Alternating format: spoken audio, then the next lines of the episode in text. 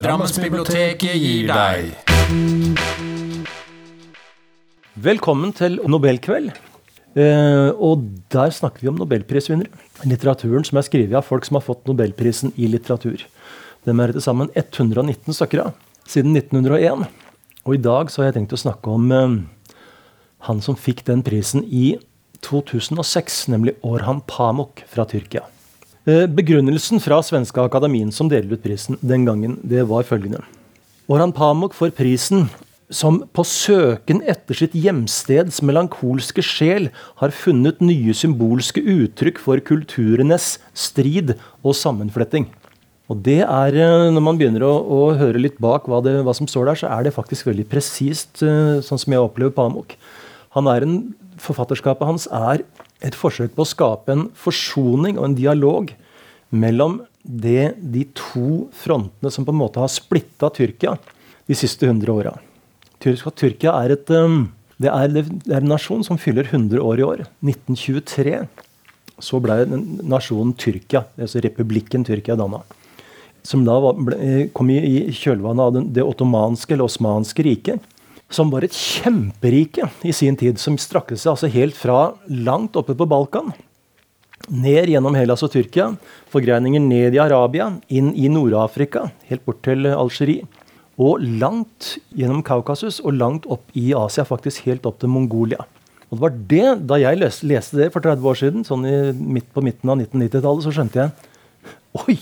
Jøss! Yes, hvis du kan tyrkisk, så kan du sannelig snakke, snakke, snakke, for deg i ganske store deler av det eurasiske kontinent, med Nord-Afrika og Arabia i tillegg. Et verdensspråk. Jeg, liksom, jeg, vært, jeg, kan bra tysk, og jeg har um, også vært borti selvfølgelig engelsk, men, uh, men, også litt fransk. Men bortsett fra det så har jeg ikke tenkt noe særlig. altså jeg har, har ikke hatt tid til å begynne å nerde på språk og sånn. Men tyrkisk det tenkte jeg det skal jeg jaggu lære meg. Så jeg begynte i 1996 så begynte jeg å, på et tyrkisk kurs som ble arrangert eh, starta på Fjell, og en lærer på Galterud skole. Mehmet Celair som satte i gang det kurset. Og det var jo 12-15 stykker der til å begynne med. Det ramla av etter hvert. Det var liksom, altså, det var, Ideen var jo kjempegod. Altså, Klart vi må lære oss litt tyrkisk, tenkte noen mennesker i Drammen. og omegn. Men det er klart det er et vanskelig språk å lære seg hvis du ikke har uh, mye tid til å bruke på å, å lære deg det. Uh, jeg lærte meg litt den gangen, men ikke sant, det er som brunfaren om vinteren, som du har samla opp uh, om sommeren. Den forsvinner utover uh, når det begynner å bli januar-februar. Med mindre du går i solstudio og holder den ved like, så, så, så, blir den borte. Sånn er det også med språk. Du er nødt til å holde det ved like for å kunne um, få tak i nyanser og begynne å, å, tørre å snakke det, ikke minst. Hvis jeg, når jeg treffer er tyrkiske omgivelser begynner å snakke litt tyrkisk, så tror folk at, at, jeg kan tyrkisk. Og da setter de i gang, ikke sant? og da faller jeg av med en gang. Så jeg tør ikke å prate. Det, det er det som er feilen. Men det er et veldig spennende språk.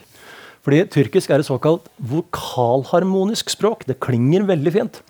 Det er en, um, et vokalharmonisk språk. det har, man, man opererer med såkalte vokalpar eh, som baserer seg på munnhulens stilling, altså måten munnen formes på når man snakker uh, ulike bokstaver. Tenk dere et norsk ord som høyesterettsjustitiarius. Det er en For munnen må den liksom lage masse rare vinkler og, og, posisjoner for å kunne uttale alle de ulike vokalene. På tyrkisk er det sånn at de opererer med fire vokalpar. Det ene er ei. Hvis dere ser hvordan munnen min oppfører seg når jeg sier ei, så er det nesten ingen, ingen bevegelse. Ei, ei, ei. Det neste er ou. O-u-o-u-o-u. Nesten ikke noen bevegelse. Og det tredje er å-ø, nemlig å-ø-å-ø-å-ø. Det siste involverer en vokal som vi ikke har på norsk, som skrives som en, en i uten prikken på toppen. Og den uttales som en blanding av a og ø, nemlig ø, ø. Og den pares da sammen med a-en. Så da får du a-ø, a-ø, a-ø inn i det der. Dette her gir seg utslag i en veldig flott og lett uh, klang fra, fra ordene når de kommer. Det finnes låneord på tyrkisk som er særlig fra arabisk, som eh, er annerledes, som har liksom både e, o og å i samme, samme ord. Men flertallet av ordene er veldig klingende. Jeg fant et um, eksempel på Wikipedia som er ganske tøft. Det, det er et ord med 16 stavelser, og det lyder sånn Tsjekkoslovaki alle lastar ramadaklar? Og det betyr er du en av de vi ikke kunne tsjekkoslovakisere? Ikke kunne gjøre til tsjekkere. Og den, det, det, første ordet der, altså Tsjekkoslova Tsjekkoslovake det er 16 eh, stavelser. Og det er vel eh, På norsk så tror jeg det ikke finnes faktisk ord som har mer enn eh, en ti stavelser. Og Høyesterettsjustitiarius er et av dem. Det andre er Papirarbeiderindustriforbund. Jeg har ti. Så finnes det eh, en tittel på en novelle av Mark Twain i en novellesamling som er oversatt til norsk. Og den, den har, Der er en novelle som har en tittel som heter 'Konstantinopolitanerinnehandel'. Og det ordet, som jo er ganske søkt, det er sammensatt, det har tolv stavelser. Men det er lengste ordet jeg har funnet på norsk. Men altså på tysk så smeller de til med 16 stavelser. No problem. Vel, jeg husker så inderlig godt den dagen i eh, oktober 2006, da Orhan Pamuk, eh, dagen etter at Orhan Pamuk ble, eh, at prisen til Pamuk ble annonsert i, i, Stockholm. Da, Den gangen var det et program på NRK som het Frokost-TV. Er det noen som husker det? Der var det da en mannlig og en kvinnelig programleder, og denne mannlige karen han som satt der, fra 2004 til 2007 eller sånn, han, eh, han, er fortsatt aktiv. Han er programleder på Nitimen i dag. Og han eh, er faktisk fra Svelvik. Han var da midt i 40-åra, og broren hans er en enda mer kjent radiopersonlighet. Eh, og de snakka da om ukas viktigste hendelser. De summerte opp hva har skjedd denne uka her. Og så kom han da inn på Nobelprisen i litteratur, som da hadde blitt annonsert kvelden i forveien. Og Da sier da denne programlederen, da sitter han og snakker med Anders Giæver, var Giæver og han programlederen som liksom skulle summere opp uka. Så sier han ja, ja, hva skal vi si? Da har det kommet enda en nobelpris til en helt ukjent forfatter. Ok. På det tidspunktet, unge mann, så var Pamuks bøker de lå klistra. De tapetserte pallen rundt omkring på bestselgerlistene rundt omkring i hele Europa. Orhan Pamuks roman 'Snø', som kom på tyrkisk i 2002, den uh, fikk, uh, ble kåra i 2004 til en, av, uh, til en av de ti beste bøkene i, som ble utgitt det året av New York Times. Så altså, i Norge så er det et eller annet med at du kan liksom Du slipper unna med Det er, det er liksom litt typisk norsk å være ignorant og uvitende. Og samtidig er det helt greit. Det er ingen som skammer seg over det, at man ikke veit hvem Orhan Pamuk er. At han liksom selger hundretusenvis av bøker. Og Da kan du sitte der på en norsk riksdekkende TV-kanal og liksom bare kjøre på og ha det, være, snakke helt rolig og jovialt om at ja, nei, det er han er ingen som har hørt om. Og det, Den der ignorante og uopplyste greia er liksom litt sånn den er ganske framtredende i Norge, har jeg funnet ut. Vi har bodd 25 år i Tyskland, så jeg har, litt å sammenligne med. Og I Norge så er liksom, det er liksom lotepus og chartersvein som setter standarden for en del av de greiene som, som, som, som er greit. Du, du, slipper unna med så altfor mye, syns jeg. Altså, det blir som om jeg skulle sitte og, og lede et program og snakke om europeiske kongehus eller cruiseskip. Som jeg ikke har noen som helst, noe som helst peiling på. Og selvfølgelig ville jeg ikke gjort det, men her, i det tilfellet her så sitter altså folk som har årslønn og feriepenger for å sitte og prate om litteratur. Det er litt rart. Men det er greit i Norge. Yes. Hvis vi skal prøve å summere opp forfatterskapet til Pamuk, for det syns jeg alltid vi skal gjøre før vi, før vi, går i gang med å begynne å lese tekstutdrag, så vil jeg si det at det har en Det er ett ord som, som virkelig står fram i, i Pamuks uh, verk, livsverk, på alle bøkene han har skrevet, så er det dialog.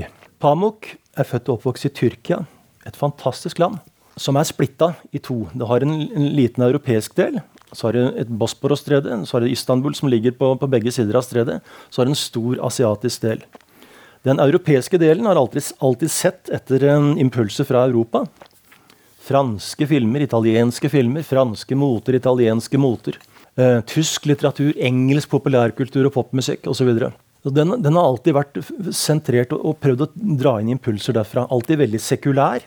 Husk den tyrkiske staten fra 1923 med Kemal Atatürk som president. Den var i utgangspunktet sekulær. Altså det vil si at den, den hadde, altså Religion hadde ikke en, var ikke en del av den, det offentlige Tyrkia. Det var en privatsak. Hvordan man organiserte troen sin. Og der, der har vi det europeiske, europeiske Tyrkia. Men det asiatiske Tyrkia det er mye mer tradisjonsbundet. Mye mer bindet opp i, i liksom, altså, ulike avskygninger og graderinger av, av, islam. Det er muslimer som lever mer eller mindre i pakt med no, ulike fortolkninger ikke sant, av hva, hva, islam er. By og land, klassisk konflikt. Sånn er det i alle land. Sånn er det i USA. Du har, du har liksom kysten, du har byene. på østsida i, og California, så har du det der beltet med rødnaker i midten som eh, absolutt ikke vil være med på det der med, med unisex-toaletter og alt dette her. Så det er, en, eh, det er en klassisk konflikt overalt hvor du, hvor du, kommer i verden. I Norge også. Du har den såkalte eliten, ikke sant, som kommentarfeltene er fulle av, eh, av hets mot. Folk som kulturelite er jo det verste skjellsord som nesten finnes kan.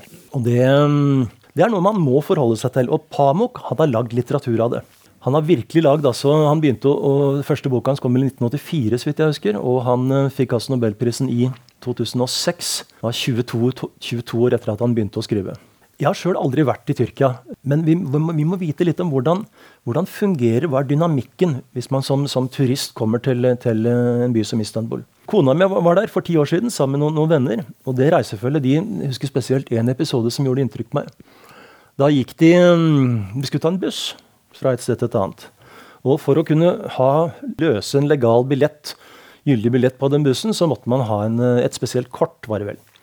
Og dette hadde ikke de, og det var jo språkkunnskapene var jo null, så de sto bare der og veiva og øh, gestikulerte. Men da var det satt en, en tyrkisk øh, mann øh, på et, på et sete der, reiste seg opp og begynte å prate på tyrkisk. ikke sant? Og så løste han billett for de tre europeerne som, som sto der. Og da tenker jeg Ville det ha skjedd i Norge? Vil vi ha sett liksom på en, at Sylvi Listhaug og Christian Tybring-Gjedde hadde storma opp fra sete, seterad nummer 17 og betale for en tyrkisk bestemor på, på, på bussen på, i Oslo. Det er ikke sånn det fungerer. Det er en helt annen attityde. Der nede, i, Tyrkerne de er interessert. De vil gjerne høre hvor, hvordan, hvor kommer dere fra, hva, har, hva er historien deres, hvorfor er dere her, og hva har dere tenkt å gjøre? Det er en nysgjerrighet og en åpenhet som ligger der i det, i det tyrkiske folket. Og den finnes også ute på landsbygda. Absolutt. For Tyrkia er jo fullt. ikke sant? Det Pamuk skriver om, det er jo, han skriver om et land altså, som har en tu, mange tusen år gammel historie. Massevis av kultur, historie. Det er landskapet, det er mennesker. Det er religioner, det er stridigheter. Det er liksom eh, det er mange ting der. Bl.a. et grufullt folkemord på halvannen million armenere som foregikk i åra mellom 1915 og 1918 under første verdenskrig. Som tyrkis, det offentlige Tyrkia da ikke anerkjenner. Ikke sant? Nei, de har ikke gjort noen ting. De vil ikke ta tak i det. De vil ikke akseptere å si at ja, beklager. Det, det gjorde vi. Uh, og på den måten så lever det der, det grumset der lever videre. ikke sant? Jeg sjekka også for moro skyld mens jeg forberedte meg her uh, i uka som gikk, uh, hvordan, hvordan, er det med Tyrkia og, og med, med, Istanbul og kriminalitet? Fordi sånne byer, sånne store byer som ligger på steder hvor det er mange illegale, forholdsvis mange illegale og papirløse mennesker, som må leve av et eller annet, der vil jeg tro at det sånn intuitivt, der vil jeg tro at det, det foregår en del kriminalitet, en del lovbrudd, som blant ikke sant, ran og, og sånne ting, som, som, eh, som, disse her menneskene lever av. Nei, stemmer ikke. Du har jo sånne indekser over dette her, ikke sant? og Istanbul ligger som nummer 188 på den uh, lista over storbyer i verden. Så det er en veldig fredelig by. Uh, det er et det er altså det, er, mange, det er mye, mange, gamle hus, men de er ofte veldig forfalne. Så det er ganske, Du kan komme liksom sånn Du går og liksom vader i gater som nesten inneholder bare ruiner. Veldig rar stemning. Eh, løshunder, lø, løsbikkjer som går omkring. Som tyrkerne er veldig vennlige mot. De gir dem mat, og de ligger. og Det er veldig fredelig. Det er nesten som om alle har liksom hver sin bikkje utafor uh, inngangen sin og kafeene. Og så På den lista så begynte jeg å kikke litt lenger opp. Ja, Hvilke, hvilke europeiske byer er det som er på toppen over, uh, på kriminalstatistikken? Coventry! Bradford! Birmingham! Engelske byer. Hvem i all verden hadde trodd det? Se Coventry og dø. altså, Hva er det for noe, liksom? Det, er, uh, det var fullstendig overraskende. Jeg ville tippe at liksom, Napoli, Marseille, sånne byer med mange illegale innvandrere, hadde vært, uh, vært skummelt. Mye fattigdom. Nei. Coventry. Veldig spesielt. Nei, oi, oi, oi. Men altså, det er, et, eh, det er, et, veldig fascinerende land. Jeg har aldri vært der, som sagt. Men, eh, og jeg, jeg, tror ikke jeg kommer til å dra dit. Fordi at, I hvert fall ikke med den nåværende regjeringa. For jeg har jobba en del med, med, kurdiske journalister og poeter, forfattere, som, har, eh, som trenger hjelp til å, å, komme seg ut av landet og, og skape seg et nytt liv utafor Tyrkia. Og det er, det er ikke bra. for å si sånn, så jeg skal holde en litt lav, litt lav profil der. Men altså, Orhan Pamuk. Det er to bøker jeg har lyst til å fokusere på her i dag.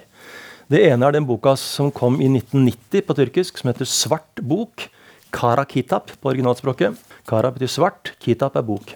Svartehavet på tyrkisk er Kara Deniz. Så Det er den, den, svarte boka. Det er en fantastisk bok. Den kjøpte jeg 5.11.1998 i Køln. Jeg dro hjem og leste den. Jeg brukte vi tre dager på den. Det er 500 sider. Men himmel for en, for en roman. Altså dette, folkens, dette er, uh, dette er litteratur med proteiner.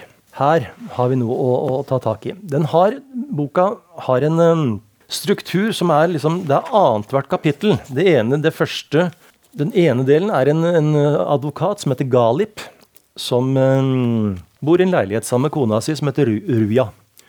Og plutselig en dag så er Ruja borte. Hun har lagt inn et avskjedsbrev til Galip hvor hun sier at, uh, noe sånt som at ja, nei, jeg, må, jeg må være aleine. Jeg må dra. Og han skjønner ingenting, for det, dette hadde han ikke sett komme. Så begynner han å leite etter Ruja, selvfølgelig. Først hos slektninger og felles venner, men hun er, hun er, ikke å finne. Kapittel to så er, er da um, en forfatter som kalles for Jelal, og uh, som da skriver sånne såkalte flanerier i tyrkisk, en tyrkisk stor avis som kommer ut i Istanbul. Og uh, disse flaneriene handler da liksom sånn tilsynelatende om noe helt annet, men så penser etter hvert innpå noe som angår det livet til, til Galip og Ruya. Og beskriver ikke minst altså detaljert, veldig flott og detaljert, atmosfæren i Istanbul. Det er et um, sånn sett er det et mesterverk. Jeg tror nesten ikke jeg har lest noen bok som beskriver en, en, by så inngående og så intenst og gripende som, eh, som 'Svart bok' av, eh, av Pamuk. Det er et, eh, sånn sett et, et virkelig mesterverk.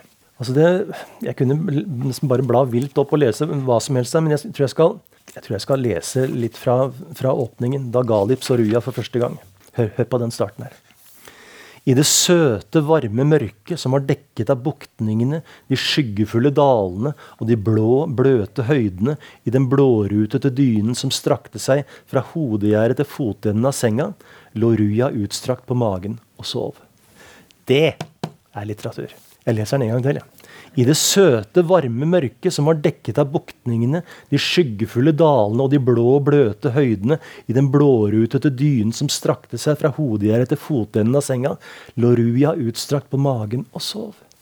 At det går an å si så mye, at det går an å hoppe fra perspektiv til perspektiv, fra verden til verden, og si, fortelle så mye om en atmosfære, om en stemning, om et menneske, om et rom, om, et, om en tilstand.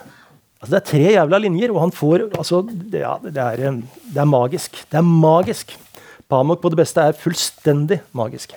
Videre så ruller det på. Utenfra kom de første lydene i vintermorgenen. Biler og gamle busser som kjørte forbi nå og da. Fløyten til vakten som holdt orden på køen ved Dolmos-holdeplassen. Og dunka, dunket som lød hver gang kobberkannen med varm vintervelling, Salep, som ble solgt på gaten utenfor, ble satt ned på fortauet for straks å løftes opp igjen. I rommet var det et blygrått vinterlys som de mørkeblå gardinene fikk til å virke blassere. Søvndrukken så Galip på sin kones hode, som stakk opp fra den blå dynen. Rujas hake lå begravet i hodeputens dun. I krumningen i pannen hennes var det noe uvirkelig og skremmende som fikk henne til å undres over hvilke fantastiske ting som var i gang i hennes hjerne.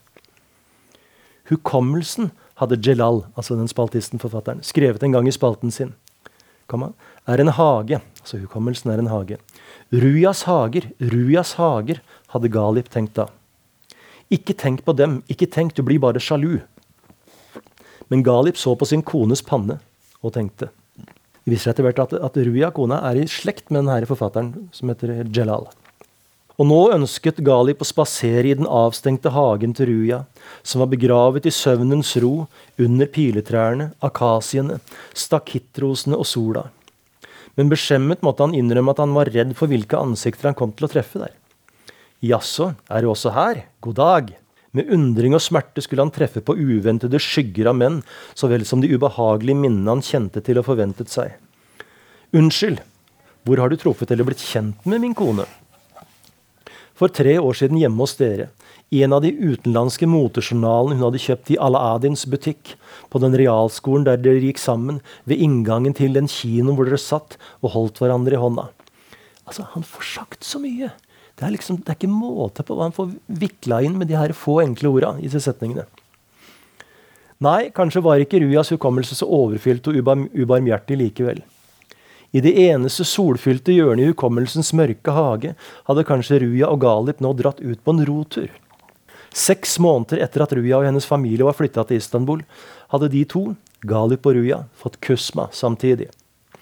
Ved den anledningen hadde av og til Galips mor, av og til Rujas vakre mor, tante Susan, av og, til, og av og til begge to, tatt Galip og Ruja i hånden og tatt dem med i busser som rystet langs de brosteinsbelagte gatene til Bebek eller Tarabia, hvor de hadde lagt ut på rotur.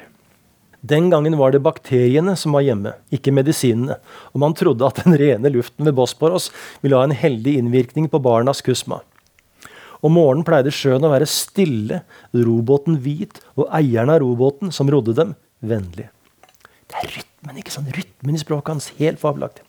Mødrene, altså tantene, satte seg akter i båten, og Rya og Galip foran, side om side, hvor de gjemte seg bak rorkarens rygg, som hele tida gikk opp og ned. Under føttene og de tynne anklene deres, som de strakte utover båtripen, og som var helt like, fløt sjøen langsomt av sted. Tang og tare, oljeflekker i alle regnbuens farger, små, halvveis gjennomsiktige fjæresteiner og leselige avisbiter, som de undersøkte for å se om de inneholdt noen artikkel av Jelal. Altså, hva er det her? Altså, Kjenner dere at gåsehuden kommer? Altså, det er liksom, han, Når han bruker en, bruker en detalj, så er, gjør han det så utrolig effektfullt.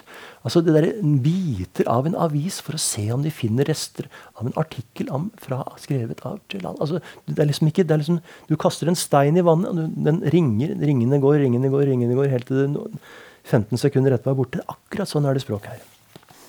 Plastisk. Vidunderlig. Da Galip så Ruja for første gang, et halvt år før de fikk kusma, satt han på en taburett som var plassert på spisebordet, og fikk håret klippet av frisøren. Den gangen kom den høye frisøren med Douglas Fairbanks-barter hjem, hjem, til dem fem dager i uka for å barbere bestefar. Dette er sant. ikke sant? Dette er sånn som det foregikk den gangen. Det var en manuell verden. Analog. Dette var på den tida da lange kaffekøer strakte seg foran araberens og Alaadins butikker, da nylonstrømper ble solgt som smuglervare, da Chevroleten av 1956-modell etter hvert ble flere og flere i Istanbul, da Galip begynte på skolen og oppmerksomt begynte å lese de artiklene Jelal skrev fem ganger i uka på side to i avisen Miljet under navnet Selim Kachmas. Men det var ikke på denne tida han lærte, seg å, lærte å lese og skrive. For det å lese og skrive hadde bestemor lært ham to år tidligere. De pleide å sette seg ved hjørnet av spisebordet, og etter at bestemor med sin hvesende stemme hadde forkynt den største trolldommen for ham, nemlig hvordan bokstavene skulle forbindes med hverandre, dampet hun videre på Bafra-sigaretten, som hun alltid hadde i munnviken, slik at barnebarnets øyne ble våte av all røyken, og den unormalt store hesten i ABC-boka ble blå og levende.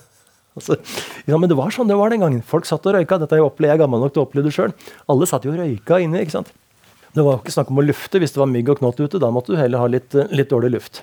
Den store hesten, som det så skrevet 'hest' under, var større enn de beinete hestene som trakk kjerrene til den halte vannselgeren og den kjeltringaktige skraphandleren.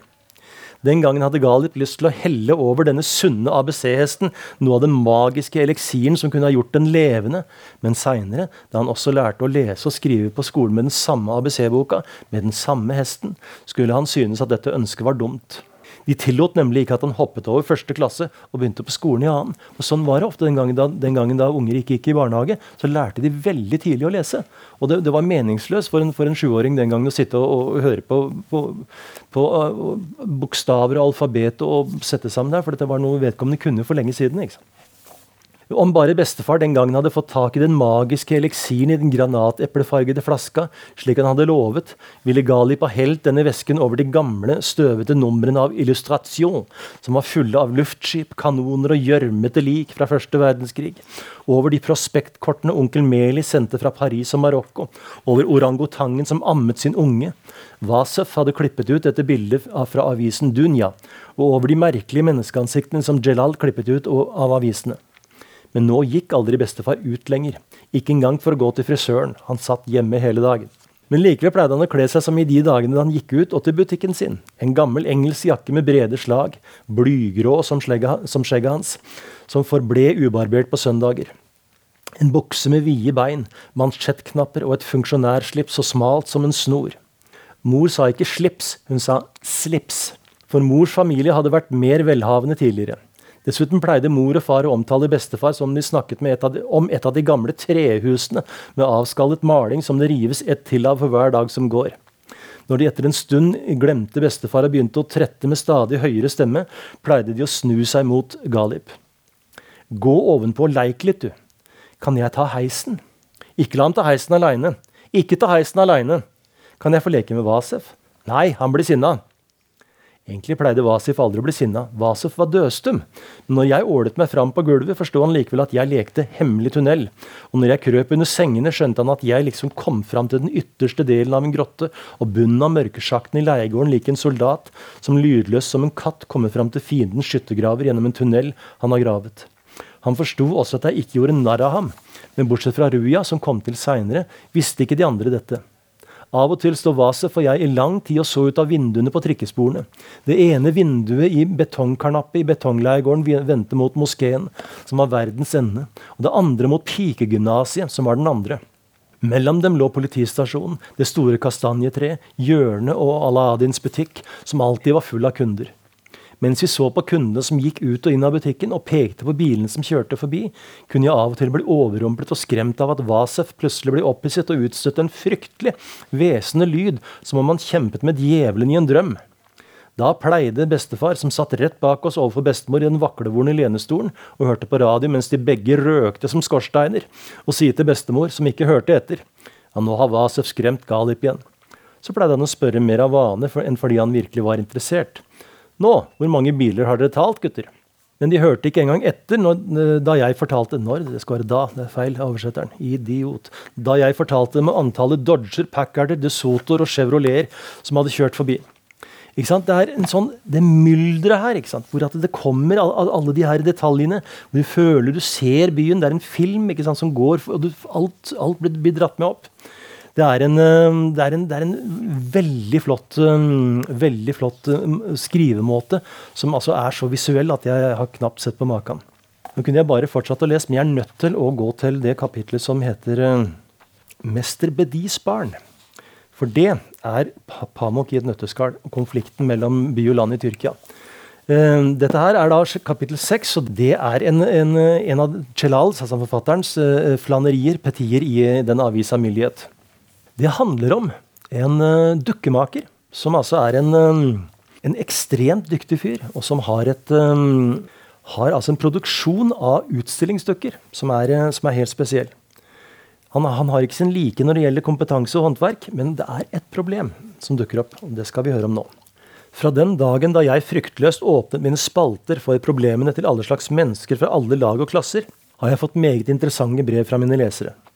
Enkelte lesere som ser at deres egen virkelighet nå endelig kan få skriftlig uttrykk, har i visse tilfeller ikke den tålmodighet som kreves for å sette den ned på papiret, men kommer løpende til redaksjonen, hvor de forteller sine historier i det uendelige. Andre ser at jeg trekker deres beretninger i tvil pga. de utrolige hendelsene og de grusomme detaljene de forteller om, og drar meg med fra skrivebordet for å bevise riktigheten av sine historier og sine liv, og trekker meg med til sølete og hemmelighetsfulle mørkehull i vårt samfunn som tidligere ingen har beskrevet eller brydd seg om. Det var nettopp på denne måten jeg fikk rede på den underjordiske, undertrykte historien som hviler over framstillingen av menneskedukker i Tyrkia. Dette er jeg-personen her, det er da Jalal, forfatteren. Og ikke Galip, som leiter etter kona. Folk har i århundrer vært uvitende om at det å framstille dukker i menneskestørrelse er et eget håndverk. Og jeg snakker ikke nå om fule skremsler, som er en folkloristisk detalj som lukter av gjødsel og landsbyliv. Den første mesteren som begynte med dette håndverket, foregangsmannen for produksjonen av menneskedukker, var mester Bedi som laget de dukkene som trengtes i Marinemuseet, som ble åpnet etter ordre fra sultan Abdul Hamid og på initiativ fra prins Osman Jelayedin. Det er også mester Bedi som står for dukkeproduksjonens hemmelige historie. Ifølge øyenvitners beretninger skal de første besøkende i museet ha satt store øyne da de fikk se hvordan våre brave krigere og tapre unge helter, som for 300 år siden var italienske og spanske skips store skrekk i Middelhavet, sto plassert med sine fryktinngytende snurrebarter og i all sin prakt blant sultanens robåter og sjalupper i dette første museet.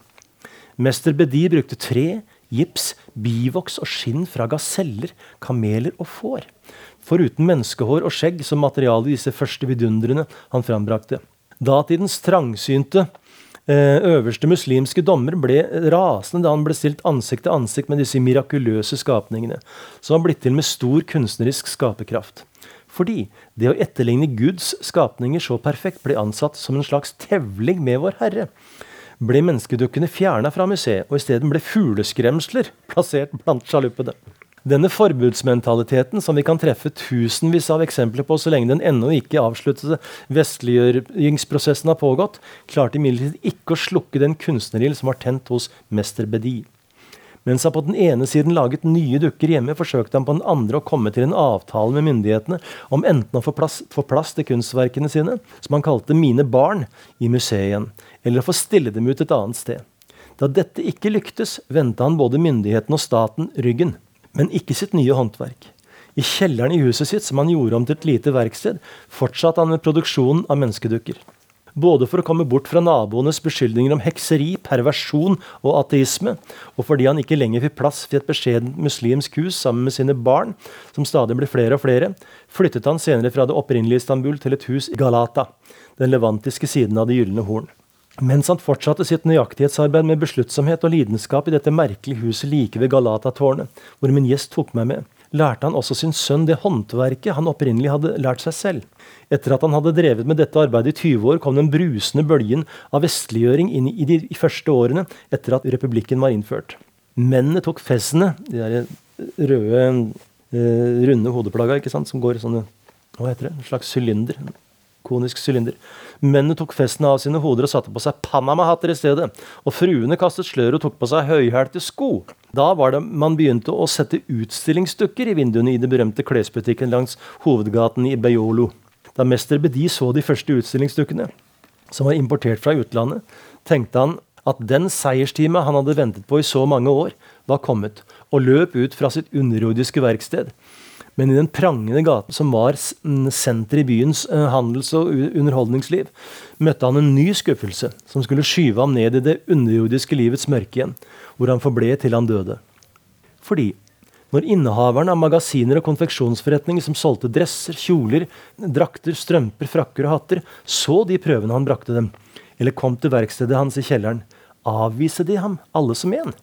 De dukkene han laget, lignet nemlig ikke på mennesker i Vesten, hvor jo modellene til klærne var hentet fra, men på mennesker, menneskene her i Tyrkia. Ingen kunde, hadde en av butikkhaverne sagt, ønsker seg den frakken som bæres av en av våre svartsmuskede, hjulbeinte landsmann, men med snurrbart, som man jo ser titusener av på gata hver dag. Nei, kunden ønsker å kle seg i den jakka som er nytt, et, som et nytt og pent menneske fra en fjern, ukjent verden kler seg, slik at han kan tro at også han kan bli forandret og bli en annen med denne jakken. En erfaren utstillingsekspert viste mester Bedis uh, verker stor beundring, men sa at han av hensyn til sitt levebrød dessverre ikke kunne plassere disse virkelige tyrkerne, disse våre virkelige landsmenn, i utstillingsvinduene sine. Tyrkerne var nemlig ikke lenger tyrkiske, for de ønsket å være noe annet. Det var jo nettopp derfor de hadde funnet på kles- og hattereformen, barbert av seg skjegg og forandret språk og bokstavene sine. En annen forretningsinnehaver som uttrykte seg mer pregnant, hevdet at det ikke egentlig var dresser kundene hans kjøpte, men en fantasi. Det de egentlig ønsket å kjøpe, var drømmen om å bli som de andre som bærer disse dressene, osv. Her, i det avsnittet der, er jo essensen av konflikten i Tyrkia i dag. Det er der essensen av, av det her religiøse og det sekulære Tyrkia ligger og bryner seg. Butikkinnehaverne i Istanbul ville ikke ha utstillingsdukker som ligna på tyrkere. For det solgte ikke drømmen. Drømmen var å selge noe som ligna på europeere. På Vesten. På amerikanere. Veldig, veldig spesielt. Og Det er jo nettopp eh, konflikten i Tyrkia i dag også. Erdogan ikke sant, som er, eh, han er jo valgt, men han, han har jo innført forordninger som gjør en, går en, en, en diktator, gjør enhver diktator misunnelig. Han er jo nettopp en fyr som også kommer fra helt opp i nordøst ved Svartehavet, en by som heter Esrin. Erzin, Esrin, ja. Og i hvert fall uh, har, um, har stemmekveget sitt i, på, på landsbygda i Tyrkia. Og det, det, står da imot den delen av Tyrkia som vil, vil være sekulært. Som vil at religion skal være noe som er, er frivillig, og ikke noe som, som er aller viktigst. Og, og frontfiguren i sjølve statsdannelsen. Det fører oss inn på den, den boka her. 'Snø'. Den ble skrevet i 2002, og som kom på norsk i 2005.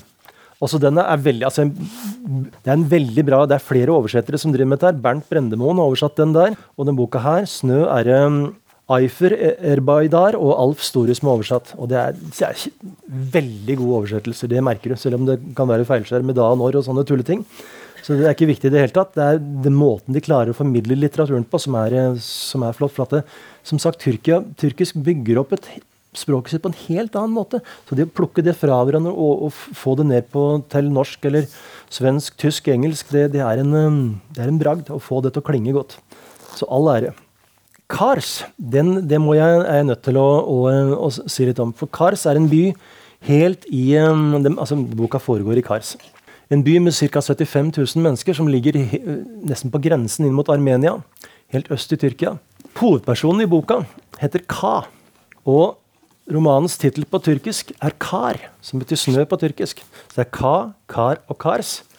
Og det som er rart, svart, som jeg sa innledningsvis her, det er, er jo Kara på tysk. Så Hvordan klarer de det? Å få et ord som heter kara til å bety svart, når kar betyr snø, som er hvit.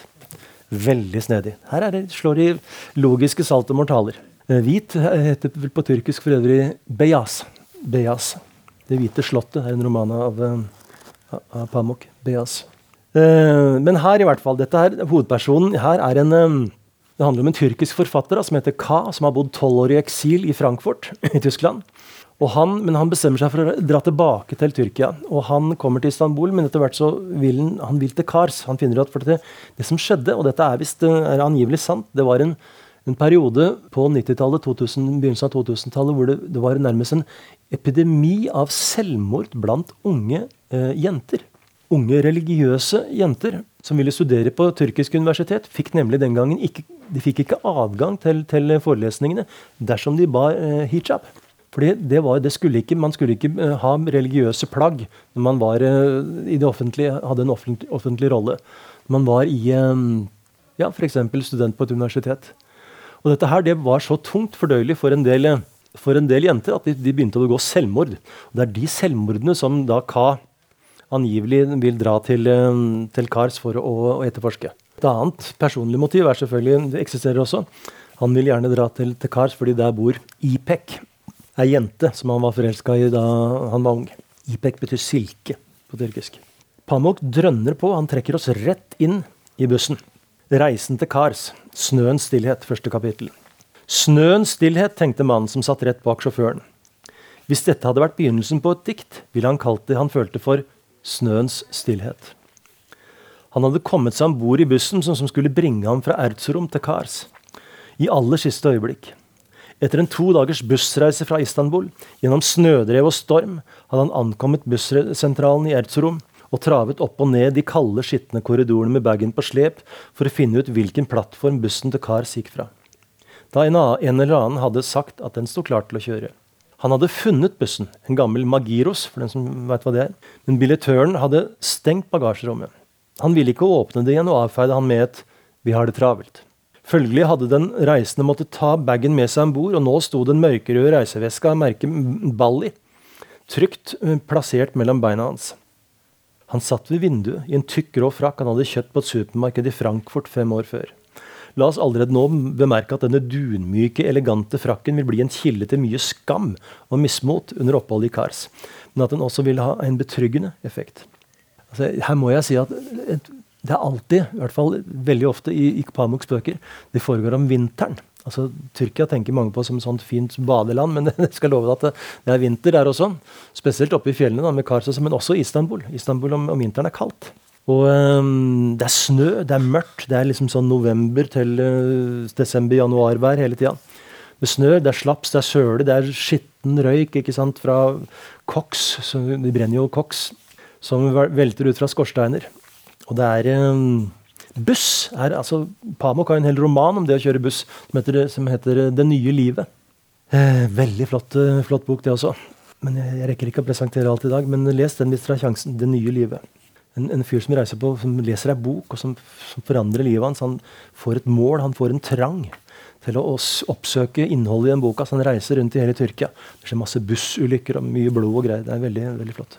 Vel, straks bussen hadde satt seg i bevegelse, malerisk, hadde den reisende gitt seg til å studere omgivelsene. Kanskje hadde han håpet å få se noe nytt der han stirret inn i de små, fattigslige kolonialforretningene, de enkle bakeriene og de forfalne kafeene i Erzorums forsteder. Mens han satt slik, begynte det å snø. Snøfnuggene var tyngre og snødrevet tettere enn hva han hadde vært ute for på veien fra Istanbul. Dersom han ikke hadde vært så trøtt, og dersom han hadde vært litt, mer oppmerksom på snøfnuggene som virvlet ned fra himmelen som fjær, ville han kanskje ha ant at en kraftig snøstorm var på vei. Kanskje ville han allerede da ha forstått at han kanskje hadde lagt ut på en reise som ville forandre andre kanskje, det var min feil. Han, Pamek ville aldri skrive noe sånt. Kanskje ville han aldri da ha forstått at han hadde lagt ut på en reise som ville forandre hele hans liv, og kanskje, jo, da kom den igjen, ok, jeg tar tilbake den, kunne han fremdeles ha ventet om. Tanken på å snu streifet ham imidlertid aldri. Mens kvelden senket seg, stirret han som forhekset mot det lille lyset som fremdeles kunne anes på himmelen. Han betraktet snøfnuggene som stadig ble tyngre, der de virvla rundt i vinden, men så intet varsel om en kommende katastrofe i dem. Snarere føltes de som veivisere som pekte tilbake mot barndommens lykke og uskyldstilstand. Det er også et motiv hos Pamuk. Den der barndommen hans den kommer stadig igjen. Han vokste opp eh, så vidt jeg har skjønt, i, et, eh, i en bydel i nærheten av Bosporos. Et gammelt, flott trehus. Ikke sant? Altså, ikke noe, ikke noe fattiggutt, dette her, men, eh, men, veldig altså, hus fullt av liv. Mange generasjoner. Flere generasjoner. Tre i samme hus. Som vi hørte i, det kapitlet fra, fra Svart bok. I hvert fall. Den reisende hadde hatt en lykkelig oppvekst i Istanbul. For en uke siden hadde han for første gang på tolv år vendt tilbake dit for å delta i morens begravelse. Etter fire dager hadde han imidlertid bestemt seg for denne spontane reisen til Kars. Flere år seinere skulle han fortsatt huske hvor utrolig vakker snøen hadde vært denne natta. Den fylte ham med en intens lykke som til og med overgikk den han hadde følt da han så igjen Istanbul. Den reisende var lyriker, og som han selv hadde skrevet i et tidlig dikt som få tyrkiske lesere kjente til, opplever vi mennesker kun én gang i livet at det snør i drømmene våre. Her kommer gåsehuden, vet du. Det er litt av en setning. Kun én gang i livet opplever vi mennesker i drømmene våre at det snør i drømmen. Hvordan kommer man på sånt? Mens han satt slik og så snøen dale ned utenfor ruten, like langsomt og stille som i drømmen, var det som om lykken og, denne følelsen av uskyld som han i årevis hadde søkt og lengtet etter, renset ham. Med ett våget han å tro at han igjen ville føle seg hjemme i verden. Litt seinere gjorde han noe han ikke hadde gjort på mange år og heller ikke hadde tenkt på. Han sovnet der han satt i setet. La oss benytte anledningen mens han sover, og i all stillhet komme med noen biografiske opplysninger. Det viser seg senere i boka at fortelleren er Orhan Pamuk sjøl. Ja. Soran Pamuk forteller om den, den, tyrkiske dikteren som har bodd tolv år i eksil i Tyskland, som kommer hjem og som tar bussen til, til Kars, vinterbyen. Digresjon. Det, da jeg leste meg opp på dette, her, så viser det at i Kars så, så, finnes det faktisk et bandylag. Tenk dere litt på det? Bandy i Tyrkia, hvem skulle tro det? Der kan Solberg og Mjøndalen komme av med køllene sine. Skal de jaggu få kjørt seg. altså. Ja, eh, La oss benytte anledningen med, i biografiske opplysninger. Ja. Selv om han hadde vært politisk flyktning i Tyskland i tolv år, hadde den reisende aldri, aldri vært glødende politisk engasjert. Hans sanne lidenskap, ja, det eneste han tenkte på, var poesi. Han var 42 år gammel, enslig, og hadde heller aldri vært gift. Det var heller ikke lett å se der han satt sammensunket i setet, men, han var for høy til å være tyrker. Tyrkere er ofte litt mindre. Han hadde mørkebrunt hår og bleik hud som var blitt enda bleikere i løpet av reisen. Han var sjenert og trivdes best aleine. Vet vi det? Og hvis han hadde ant hva som, hva som skjedde like etter at han sovnet Bussen svingte, og hodet hans gled først ned på skulderen til passasjeren ved siden av han, og deretter videre ned mot brystet hans, ville han ha dødd av skam. Denne reisende som lener seg så tungt mot sidemannen, er en ærlig og velmenende mann, og lever derfor i en tilstand av dyp melankoli, lik disse skikkelsene hos Tsjekhov, som er så fylt av edle egenskaper at de aldri oppnår noe som helst i livet. Oh, de poeng. Um, vi vil imidlertid få anledning til å snakke mer om melankoli seinere.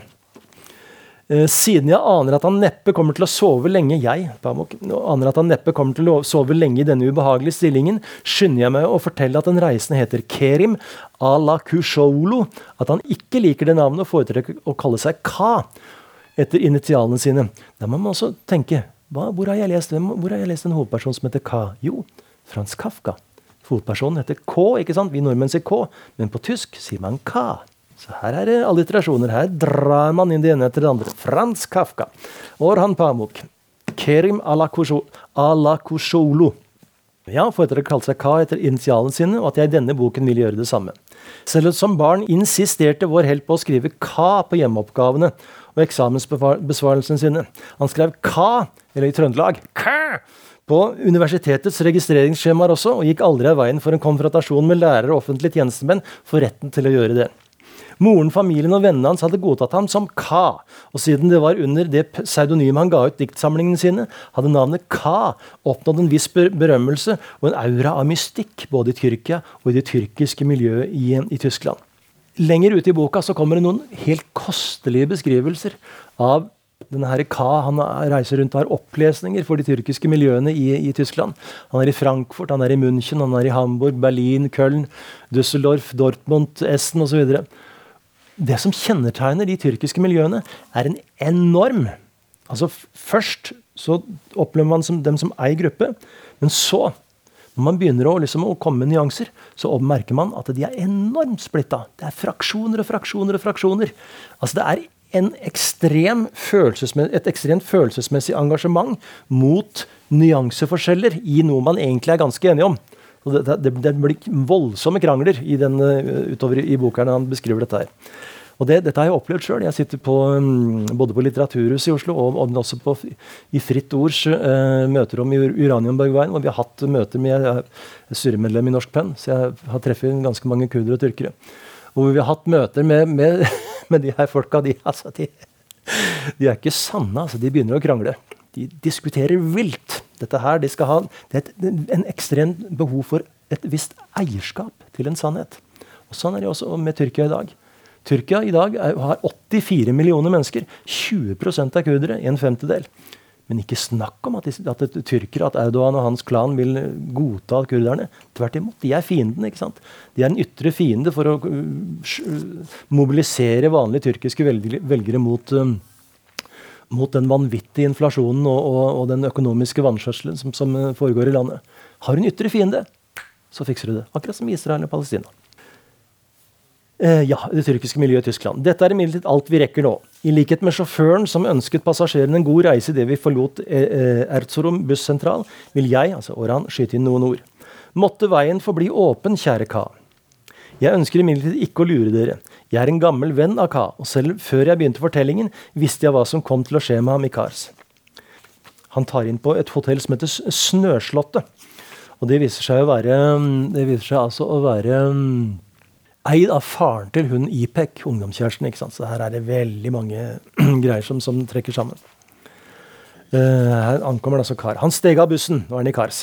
Og straks foten sank ned i det myke teppet av snø, smatt et kaldt gufs opp buksebeina hans. Han hadde bestilt et værelse på Snøslottet hotell, og da han gikk for å spørre hvor det lå, fikk han det for seg at ansiktene til et par av passasjerene som hadde stått og venta på bagasjen, virka kjent. Men snødrevet var så tett at han ikke klarte å se hvem de var. Etter å ha installert seg på hotellet gikk han til en restaurant som het De grønne enger, og der så han de samme menneskene igjen. En herjet, men fremdeles tiltalende og iøynefallende mann, og en tjukk, men livlig kvinne som måtte være partneren hans. Ka husket dem fra det slagordpregede, revolusjonære teatermiljøet i Istanbul på 70-tallet. Han lot tankene vandre mens han satt og betraktet dem.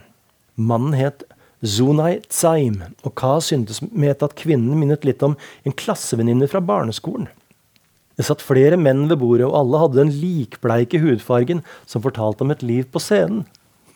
Jeg har aldri tenkt på. Han lurte på hva, denne lille teatergruppen hadde å gjøre her, i en by verden hadde glemt, en kald februarnatt mens snøen lavet ned.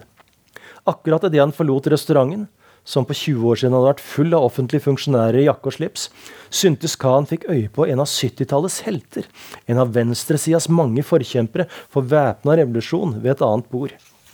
Det var imidlertid som om et teppe av snø hadde lagt seg over alt Han hadde visst om denne mannen, akkurat slik det hadde lagt seg over restauranten han var i, og over hele byen Kars, der den gispende sank ned i fattigdommen. Var det snøens skyld at gatene var så tomme, eller var disse frosne fortauene alltid like øde? Carl leste tekstene på valgplakatene, på de mange oppslagene utenfor lesesaler og restauranter, og på plakatene som provinsguvernørens folk nylig hadde slått opp, i håp om å få slutt på selvmordsepidemien blant de unge jentene med slør. Mennesket er Guds mesterverk, og selvmord er blasfemi, sto det på dem. Gjennom den tilfrosne ruten i et halvfullt tehus så han en gruppe menn som hadde benket seg foran et fjernsynsapparat. Det muntret ham litt opp å se igjen de gamle russiske mursteinshusene, som gjorde at han alltid tenkte på Kars som et spesielt sted. Snøslottet hotell var et av disse elegante husene med baltisk arkitektur. Det var baltisk arkitektur? Hvor kommer det ned liksom i, i, der nede? Veldig spennende innflytelser og veier hvordan arkitektur er reist. Det var to etasjer høyt, med høye, smale vinduer som vendte ut mot en indre gård med et buet portrom som leda ut til gata. Ka følte en ubestemmelig ro idet han passerte under denne buen, som for 110 år siden hadde blitt bygget høy nok til at hestedrosjene lett kunne komme igjennom. Men han var altfor alt for sliten til å tenke mer på det. La meg likevel nevne at det har å gjøre med en av grunnene til at Ka kom hit til Kars. Tre dager tidligere hadde han nemlig stukket innom redaksjonslokalen til avisen Jumhuriyet. Den eksisterer. Republikken, betyr det. For å treffe en barndomsvenn som het Taner og skrev politiske kommentarartikler. Det var han som hadde øh, nevnt det forestående kommunevalget og fortalt at flere unge piker i Kars hadde bukket under for en underlig selvmordsepidemi, akkurat som i byen Batman. Altså Batman, eksisterer. Batman. Taner hadde sagt at dersom Ka hadde lyst til å skrive om dette, og samtidig se igjen det virkelige Tyrkia etter tolv år i eksil, burde han vurdere å ta en tur dit. Siden ingen andre hadde lyst til å påta seg oppdraget, kunne han lett skaffe Ka et pressekort. Han la til at en tidligere klassevenninne av dem, Ipek, som de begge hadde syntes var så vakker, nå bodde i Kars. Hun var skilt fra mannen, Motar, men hadde likevel blitt boende i byen sammen med sin far og sin søster på Snøslottet hotell. Ka hadde sittet og hørt på det Taner fortalte, han på, mens han tenkte på hvor nydelig Ipek hadde vært. Resepsjonisten uh, Javid satt i lobbyen der det var meget høyt under taket, og så på fjernsyn. Ka tok imot nøkkelen og gikk opp i andre etasje til rom 203. Etter å ha lukka døren følte han seg roligere. Han forsøkte å lytte til sine egne følelser og kom til at verken hjerte eller forstand, selv om han nok hadde følt seg engstelig på veien hit, var det minste opptatt av hvorvidt Ipek befant seg på hotellet eller ikke. Etter et helt liv der kjærligheten ufravikelig hadde brakt skam og lidelse, fylte tanken på å bli forelsket ham med en intens, nærmest instinktiv skrekk. Før han la seg ved midnatt, gikk Kadi få skrittene over gulvet og trakk gardinen til side. Han ble stående lenge og betrakte de tunge snøfillene, som dalte ned i det uendelige. Og sånn fortsetter det. Hvis dere ikke har lest de to bøkene her, 'Svart bok' og 'Snø', do it. Det er altså um, så proteinrik litteratur, så proteinrik føde, at jeg, jeg har knapt ord. Det er um, de varmeste anbefalinger som uh, hjerte og hjerne kan gi. Ære var avgitt. Takk for i dag. Takk for at dere kom. Det var kjempemoro å få lov til å sitte her og snakke med dere om Orhan Pamuk.